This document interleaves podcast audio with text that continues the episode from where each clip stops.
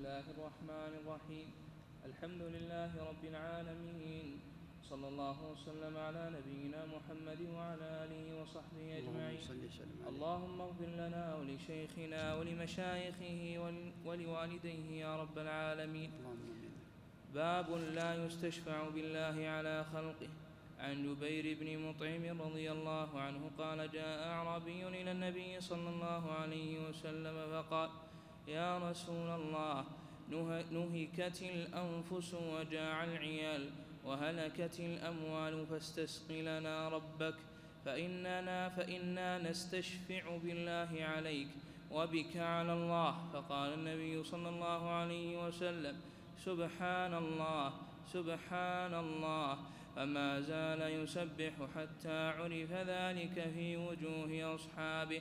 ثم قال النبي صلى الله عليه وسلم ويحك أتدري ما الله؟ إن شأن الله أعظم من ذلك إنه لا يستشفع بالله على أحد من خلقه. وذكر الحديث رواه أبو داود. بسم الله الرحمن الرحيم. الحمد لله رب العالمين صلى الله وسلم وبارك على نبينا محمد وعلى آله وأصحابه أجمعين. أما بعد هذا الباب في عدم الاستشفاع بالله تعالى على أحد من خلقه لأن الله تعالى هو العظيم وهو الكبير وهو المتعالي فكيف يستشفع بالعظيم عند الفقير وعند الضعيف من العباد؟ فالله تعالى شأنه أعظم والاستشفاع بالرسول عليه الصلاة والسلام في حياته المراد به طلب الدعاء منه عليه الصلاة والسلام. فهذا لا بأس به هذا من النبي عليه الصلاة والسلام. وكذلك من الصالحين كونه يطلب منه أن يدعو له هذا لا بأس به. أما بعد موت النبي صلوات الله وسلامه عليه فلا تطلب منه الشفاعة. وإنما تطلب منه يوم القيامة بشرطين بإذن الله تعالى وبرضا الله تعالى عن الشافع والمشفوع له. فيجب ألا يستشفع بالله تعالى على خلقه لأن رتبة الشافع أقل من رتبة المشفوع عنده وذلك من سوء الأدب مع الله فإن الشفعاء لا يشفعون عنده إلا بإذنه وكلهم يخافونه فكيف يعكس الأمر؟ فيجعل هذا الشافع هو وهو الكبير العظيم الذي خضعت له الرقاب وذلت له الكائنات بأسرها سبحانه وتعالى. فهذا سوء أدب مع الله. نستشفع بالله على خلقه تعالى الله عن ذلك سبحانه وتعالى. بل ربنا عز وجل هو الذي يدعى وهو الذي يستغاث به سبحانه وهو الذي تطلب الشفاعة منه. يملكها سبحانه وتعالى. قل لله الشفاعة جميعا ولا يأذن يوم القيامة بالشفاعة إلا بشرطين. كما قال الله تبارك وتعالى من ذا الذي يشفع عنده إلا بإذنه. الأمر الثاني رضاه عن الشافع والمشفوع له. ولا يشفعون إلا لمن ارتضى. هذا الباب. باب عظيم ينبغي للمسلم بل يجب على المسلم أن يعلم بأنه لا يستشفع بالله تعالى على أحد من خلقه فهو العظيم المتكبر المتعالي سبحانه وتعالى. نعم. قال رحمه الله فيه مسائل الأولى إنكاره على من قال نستشفع بالله الأولى, عليك الأولى نعم. الأولى نعم. الأولى إنكاره على من قال نستشفع بالله عليك. الثانية تغيره تغيرا عرف في وجوه أصحابه من هذه الكلمة. نعم. الثالثة أنه لم ينكر عليه قوله نستشفع بك على الله. الرابعة يعني نطلب منك الشفاعة عند الله يعني الدعاء تدعونا عند الله تعالى. في الدنيا نطلب من النبي يطلب من النبي عليه الصلاة والسلام الدعاء. أما بعد موته عليه الصلاة والسلام فلا يطلب منه. ما تطلب الشفاعة منه وإنما تطلب من الله تعالى الذي يملكها سبحانه وتعالى وهو الذي يملك الشفاعة. فإذا أردت أن يشفع فيك النبي عليه الصلاة والسلام فتقول يا الله شفع في نبيك عليه الصلاة والسلام. تطلب الشفاعة من الله لأنه المالك لها. أما يوم القيامة فالناس يطلبون الشفاعة من النبي عليه الصلاة والسلام وهو يستأذن ربه عز وجل ويسجد ويحمد الله تعالى في سجوده يلهمه الله تعالى محامد يثني على ربه بها حتى يقال له يا محمد ارفع رأسك وسل تعطى واشفع تشفع. إذن أذن الله له بهذا.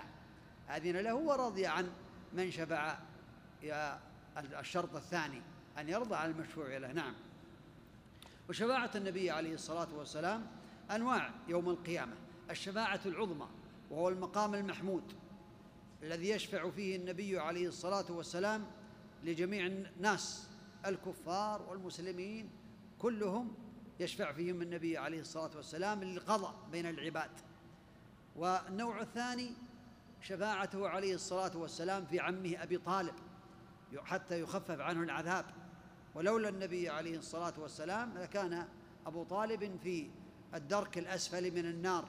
ولكنه في ضحضاح يغلي منه دماغه. الشفاعة الثالثة الخاصة بالنبي عليه الصلاة والسلام يرحمك الله وهي شفاعته في دخول الجنة عليه الصلاة والسلام. فلا تفتح الجنة إلا بشفاعته. هذه الثلاث الشفاعات خاصة بالنبي عليه الصلاة والسلام لا يشترك منه ما لا يشترك فيها أحد غيره معه عليه الصلاة والسلام وأما الشفاعة الأخرى فيشترك معه النبيون والملائكة والأفراط والصالحون والعلماء والشفاعات الأخرى كالشفاعة لإخراج من وقع في النار أن يخرج منها من من الموحدين كذلك من استحق النار ألا يدخلها وكذلك الشفاعة في رفع درجات بعض أهل الجنة. هذه عامة. للنبي عليه الصلاة والسلام ولغيره. نعم. قال رحمه الله الرابعة التنبيه على تفسير سبحان الله. الخامسة يعني هذا من باب الفوائد والأدب أن الإنسان إذا تعجب من شيء يقول سبحان الله سبحان الله أو الله أكبر الله أكبر. يعني هذا من باب السنية. الإنسان إذا تعجب من شيء أو استغرب شيئا فإنه لا يصفق فإن التصفيق للنساء. وإنما يقول سبحان الله أو الله أكبر. نعم. قال رحمه الله الخامسة أن المسلمين يسألونه الاستسقاء. نعم. باب ما جاء في حماية المصطفى صلى الله عليه وسلم حمى التوحيد وسده طرق الشرك. عن عبد الله بن الشخير رضي الله عنه قال انطلقت في وفد بني عامر إلى رسول الله صلى الله عليه وسلم فقلنا أنت سيدنا؟ فقال السيد الله تبارك وتعالى. فقلنا وأفضلنا فضلا وأعظمنا طولا. فقال قولوا بقولكم أو بعض قولكم. ولا يستجري ولا يستجرينكم ولا يستجرينكم. ولا يستجرينكم الشيطان. رواه أبو داود بسند جيد. وعن أنس رضي الله عنه أن ناسا قالوا يا رسول الله يا خيرنا وابن خيرنا وسيدنا وابن سيدنا. فقال يا أيها الناس قولوا بقولكم ولا يستهوينكم الشيطان. أنا محمد عبد الله ورسوله. ما أحب أن ترفعوني فوق منزلة التي أنزلني الله عز وجل. رواه النسائي بسند جيد. هذا الباب في حماية المصطفى. المصطفى هو النبي صلوات الله وسلامه عليه. اصطفاه الله تعالى. في حماية المصطفى وهو النبي عليه الصلاة والسلام في حماية النبي عليه الصلاة والسلام حمى التوحيد وسده طرق الشرك.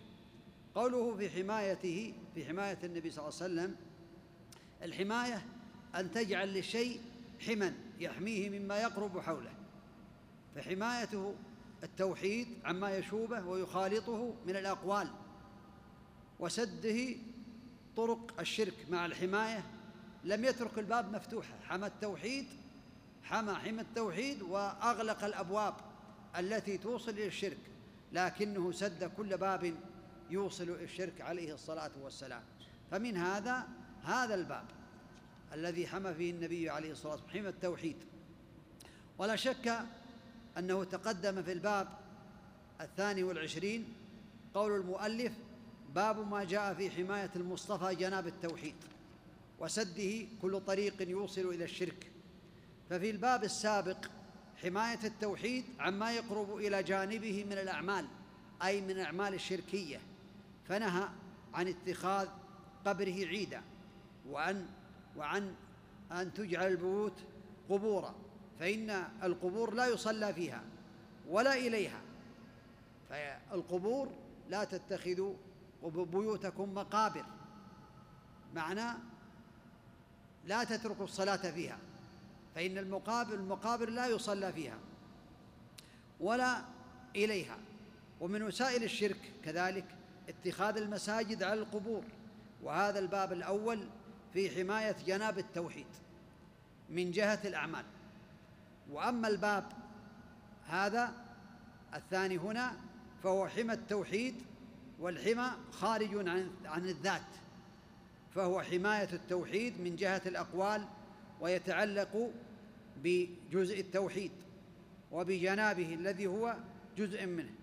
فكل قول يوصل إلى الشرك أو إلى الغلو يخشى منه الوقوع في الشرك فإنه يجب اجتنابه ولا يتم التوحيد إلا بتركه. فالرسول صلى الله عليه وسلم حمى حمى التوحيد.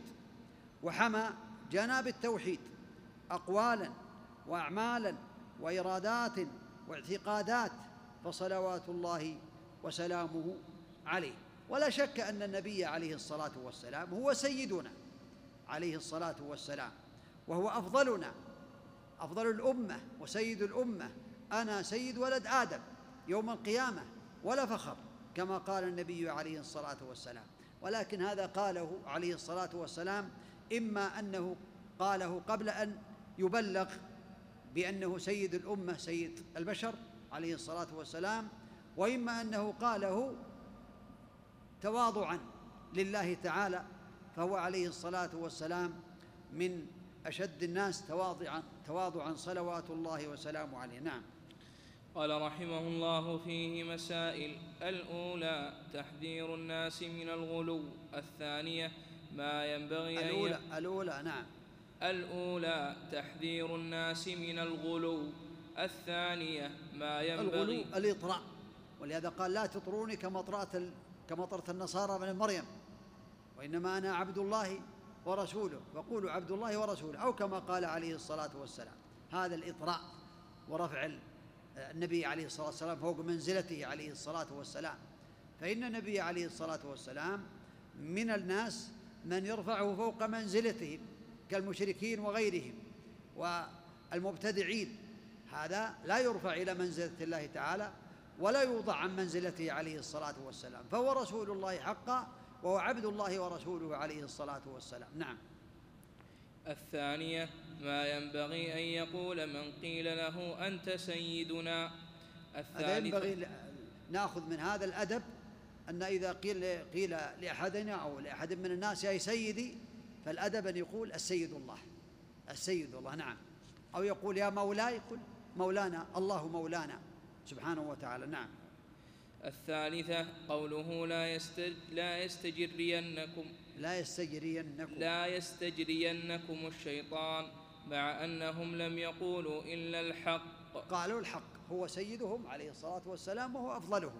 نعم. الرابعة ما أحب أن تعرفوني أن ترفعوني فوق منزلتي. باب قول الله تعالى وما قدر الله حق قدره والأرض جميعا قبضته يوم القيامة.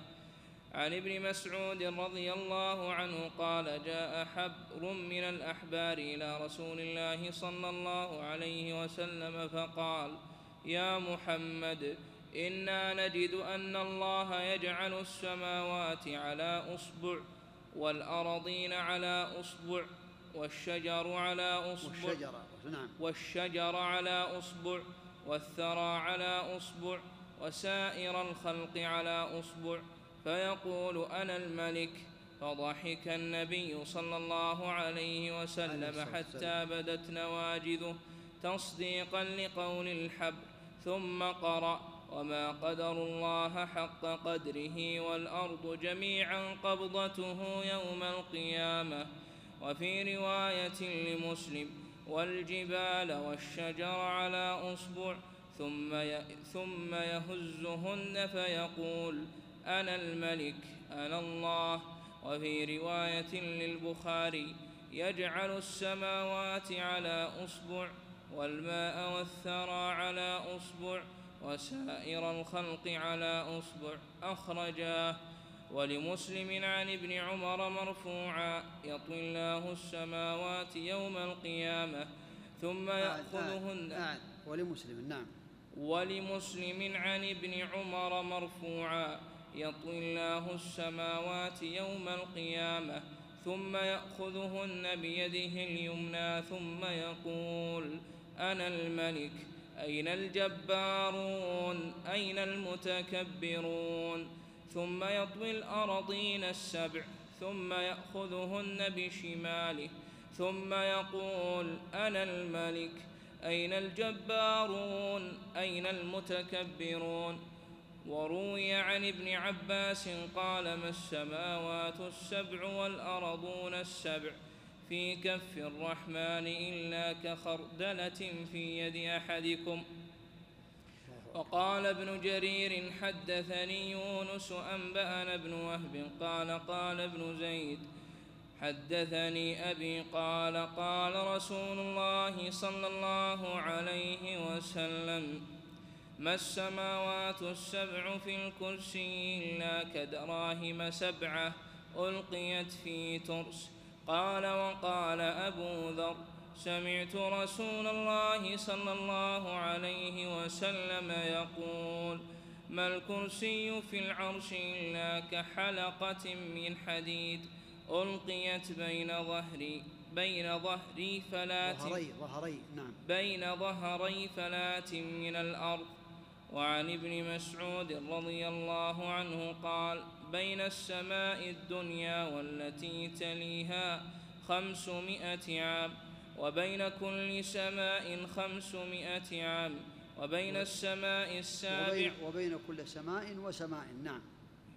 وبين كل سماء وسماء خمسمائة عام وبين السماء السابعة والكرسي خمسمائة عام وبين الكرسي والماء خمسمائة عام والعرش فوق الماء والله فوق العرش. لا يخفى عليه شيء من أعمالكم.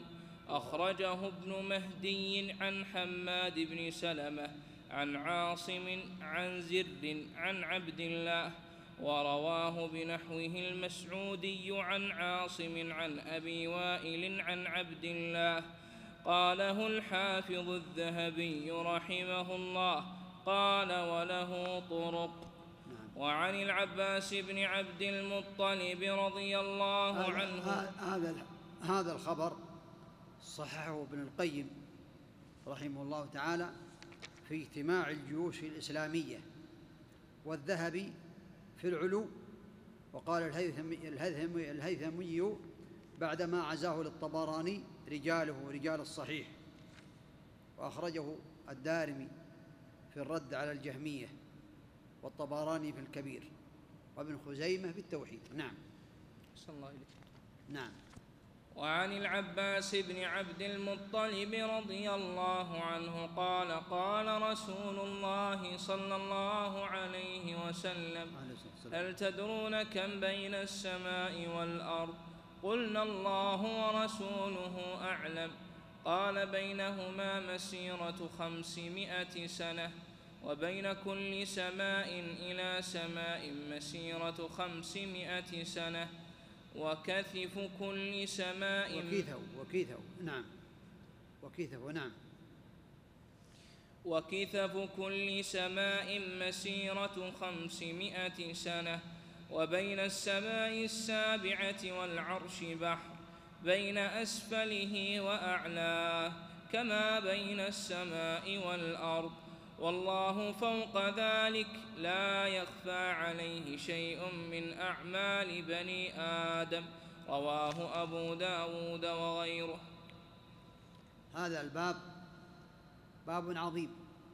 قوله وما قدر الله حق قدره أي ما عظموه حق تعظيمه سبحانه والأرض جميعا قبضته يوم القيامة.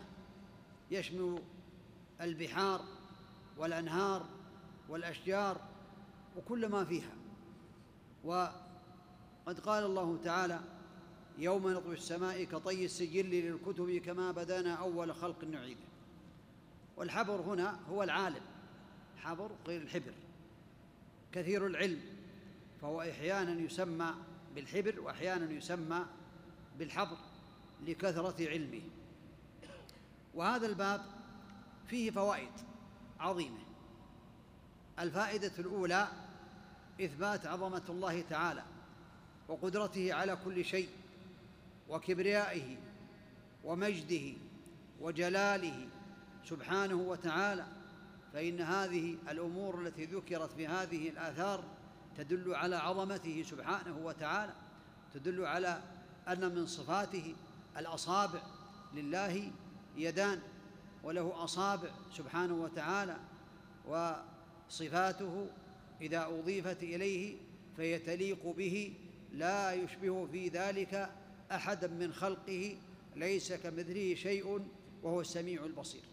فالأصابع معلومة والإيمان بها واجب والسؤال والكيفية مجهولة كيفية الأصابع وكيفية الصفات والسؤال عنها بدعة أي عن الكيفية. فيتصف بصفات تليق بجلاله سبحانه وتعالى ليس كمثله شيء وهو السميع البصير. الفائدة الثانية خضوع المخلوقات لعظمته وعزته. هذه المخلوقات خضعت لرب العالمين. الفائدة الثالثة من هذا الباب هذه الصفات من أكبر البراهين على أنه سبحانه وتعالى المعبود بحق. سبحانه وتعالى لا إله إلا هو ولا رب سواه.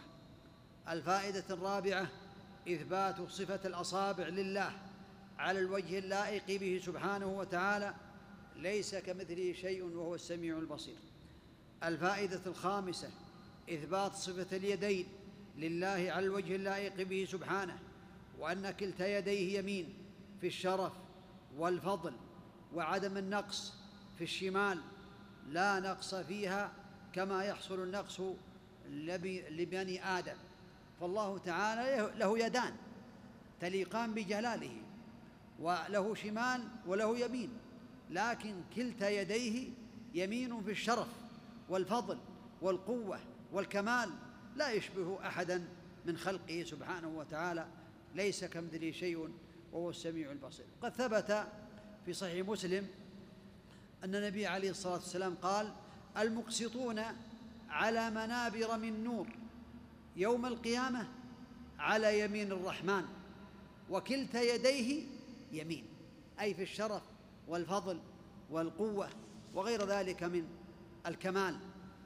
الفائدة السادسة إثبات علو الله تعالى علوا ذاتيا الله تعالى له أنواع العلو له علو الذات فهو سبحانه وتعالى فوق خلقه بائن من خلقه سبحانه وتعالى. الرحمن على العرش استوى وعلو القدر وعلو القهر. هذه أنواع العلو تختص بالله تعالى. الفائدة السابعة هذا الباب يجمع أنواع التوحيد الثلاثة. فالذي خلق هذه المخلوقات هو القادر على كل شيء والذي له هذه الأسماء والصفات هو المستحق للعبادة. سبحانه وتعالى أسأل الله تعالى بأسمائه الحسنى وصفات العلى أن يجعلني وإياكم من الذين يستمعون القول فيتبعون أحسنه. إنه ولي ذلك والقادر عليه. صلى الله وسلم وبارك على نبينا محمد. اقرا الأسئلة. نعم المسائل نعم. قال رحمه الله فيه مسائل. الأولى تفسير قوله تعالى والأرض جميعا قبضته. الثانية أن هذه العلوم وأمثالها باقية عند اليهود الذين في زمنه صلى الله عليه وسلم ولم ينكرونها ولم يتأولوها.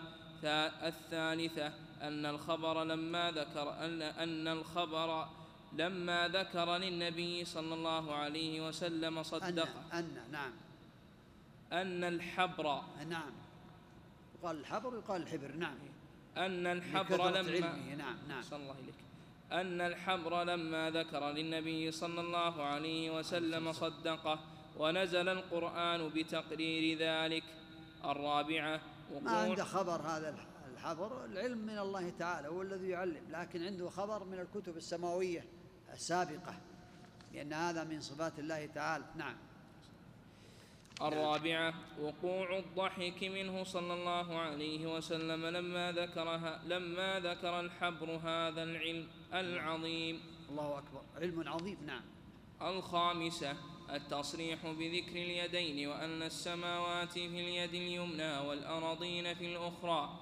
السادسة التصريح بتسميتها هذا يدل على عظمة الله تعالى. السماوات مطويات بيمينه يدل على عظمته سبحانه ويدل على عظمته أن السماوات السبع والأراضين السبع ما هي في كف الرحمن إلا كحبة في حبة في يد أحدنا. هذا يدل على عظمته سبحانه. قد أحاط بكل شيء سبحانه وتعالى. نعم. السادسة التصريح بتسميتها الشمال. السابعة يعني له شمال وله يمين سبحانه. لكن كلتا يديه يمين في الشرف والفضل والكمال. نعم. السابعة ذكر الجبارين والمتكبرين عند ذلك. نعم. الثامنة. السابعة نعم. السابعة ذكر الجبارين والمتكبرين عند ذلك. يعني يوم القيامة إن الله يقول أين المتكبرون؟ أين المتجبرون أنا الله أنا الملك سبحانه وتعالى. نعم. الثامنة قوله كخردلة في كف أحدكم. نعم. التاسعة عظم الكرسي بالنسبة إلى السماء. ما الكرسي كما في هذا الخبر ما الكرسي في السماوات ما ما الكرسي بالنسبة للسماوات إلا كحبة إلا كحلقة ألقيت في فلاة وما السماوات السبع؟ السماوات السبع والأرضون السبع بالنسبة للعرش إلا كحلقة ألقيت في ما الكرسي بالنسبة للعرش. إلا كحلقة الكرسي بالنسبة للعرش. إلا كحلقة ألقيت في فلاة هذا يدل على عظمة الله تعالى. والكرسي هو موضع القدمين. كرسي وموضع القدمين سبحانه وتعالى. نعم. التاسعة وما السماوات السبع والأرض السبع بالنسبة للعرش. إلا كدراهم سبعة ألقيت في ترس. نعم. التاسعة عظم الكرسي بالنسبة إلى السماء. العاشرة عظم العرش بالنسبة إلى الكرسي. الحادية عشرة أن العرش غير غير الكرسي والماء. الثاني العرش غير الكرسي. العرش هو الذي استوى الله تعالى عليه استواء يليق بجلاله لا يشبه أحدا من خلقه. والكرسي هو موضع القدمين نعم. ثانية عشرة كم بين كل سماء إلى سماء؟ الثالثة عشرة كم بين السماء السابعة والكرسي؟ الرابعة عشرة كم بين الكرسي والماء؟ الخامسة عشرة أن العرش فوق الماء. يعني في أثر ابن عباس ما السماوات السبع والأراضون السبع؟ في كف الرحمن إلا كحبة خردلة في يد أحدكم. هذا يدل على عظمة الله. وكذلك قال في الحديث الآخر ما السماوات السبع في الكرسي إلا كدراهم سبعة ألقيت في ترس. سماوات السبع. ما هي بالنسبة للكرسي؟ إلا كدراهم سبع ألقيت في ترس. وهذا يدل وما الكرسي في العرش؟ بالنسبة للعرش إلا كحلقة من حديد ألقيت بين ظهري فلاح من الأرض. هذا يدل على عظمة الله تعالى. نعم. الخامسة عشرة أن العرش فوق الماء. السادسة عشرة أن الله فوق العرش. سبحانه. السابعة عشرة كم بين السماء والأرض. الثامنة عشرة كثف كل سماء خمسمائة سنة. يعني سماكة كل سماء مسيرة خمسمائة سنة. بين كل سماء وسماء مسيرة خمسمائة سنة. وكثف السماء؟ أي سماكتها مسيرة خمسمائة سنة. سبحان الله العظيم. سبحان الذي خلقها. يستحق العبادة سبحانه وتعالى وحده. نعم. التاسعة عشرة. أن البحر الذي فوق السماوات بين أعلاه وأسفله مسيرة خمسمائة سنة. والحمد وهذا آخر الأبواب والمسائل. والحمد لله رب العالمين. غفر الله له نسأل الله عز وجل أن ينفعنا بما سمعنا إنه على كل شيء قدير. وصلى الله وسلم وبارك على نبينا محمد وعلى آله وأصحابه أجمعين. جزاكم الله خيرا.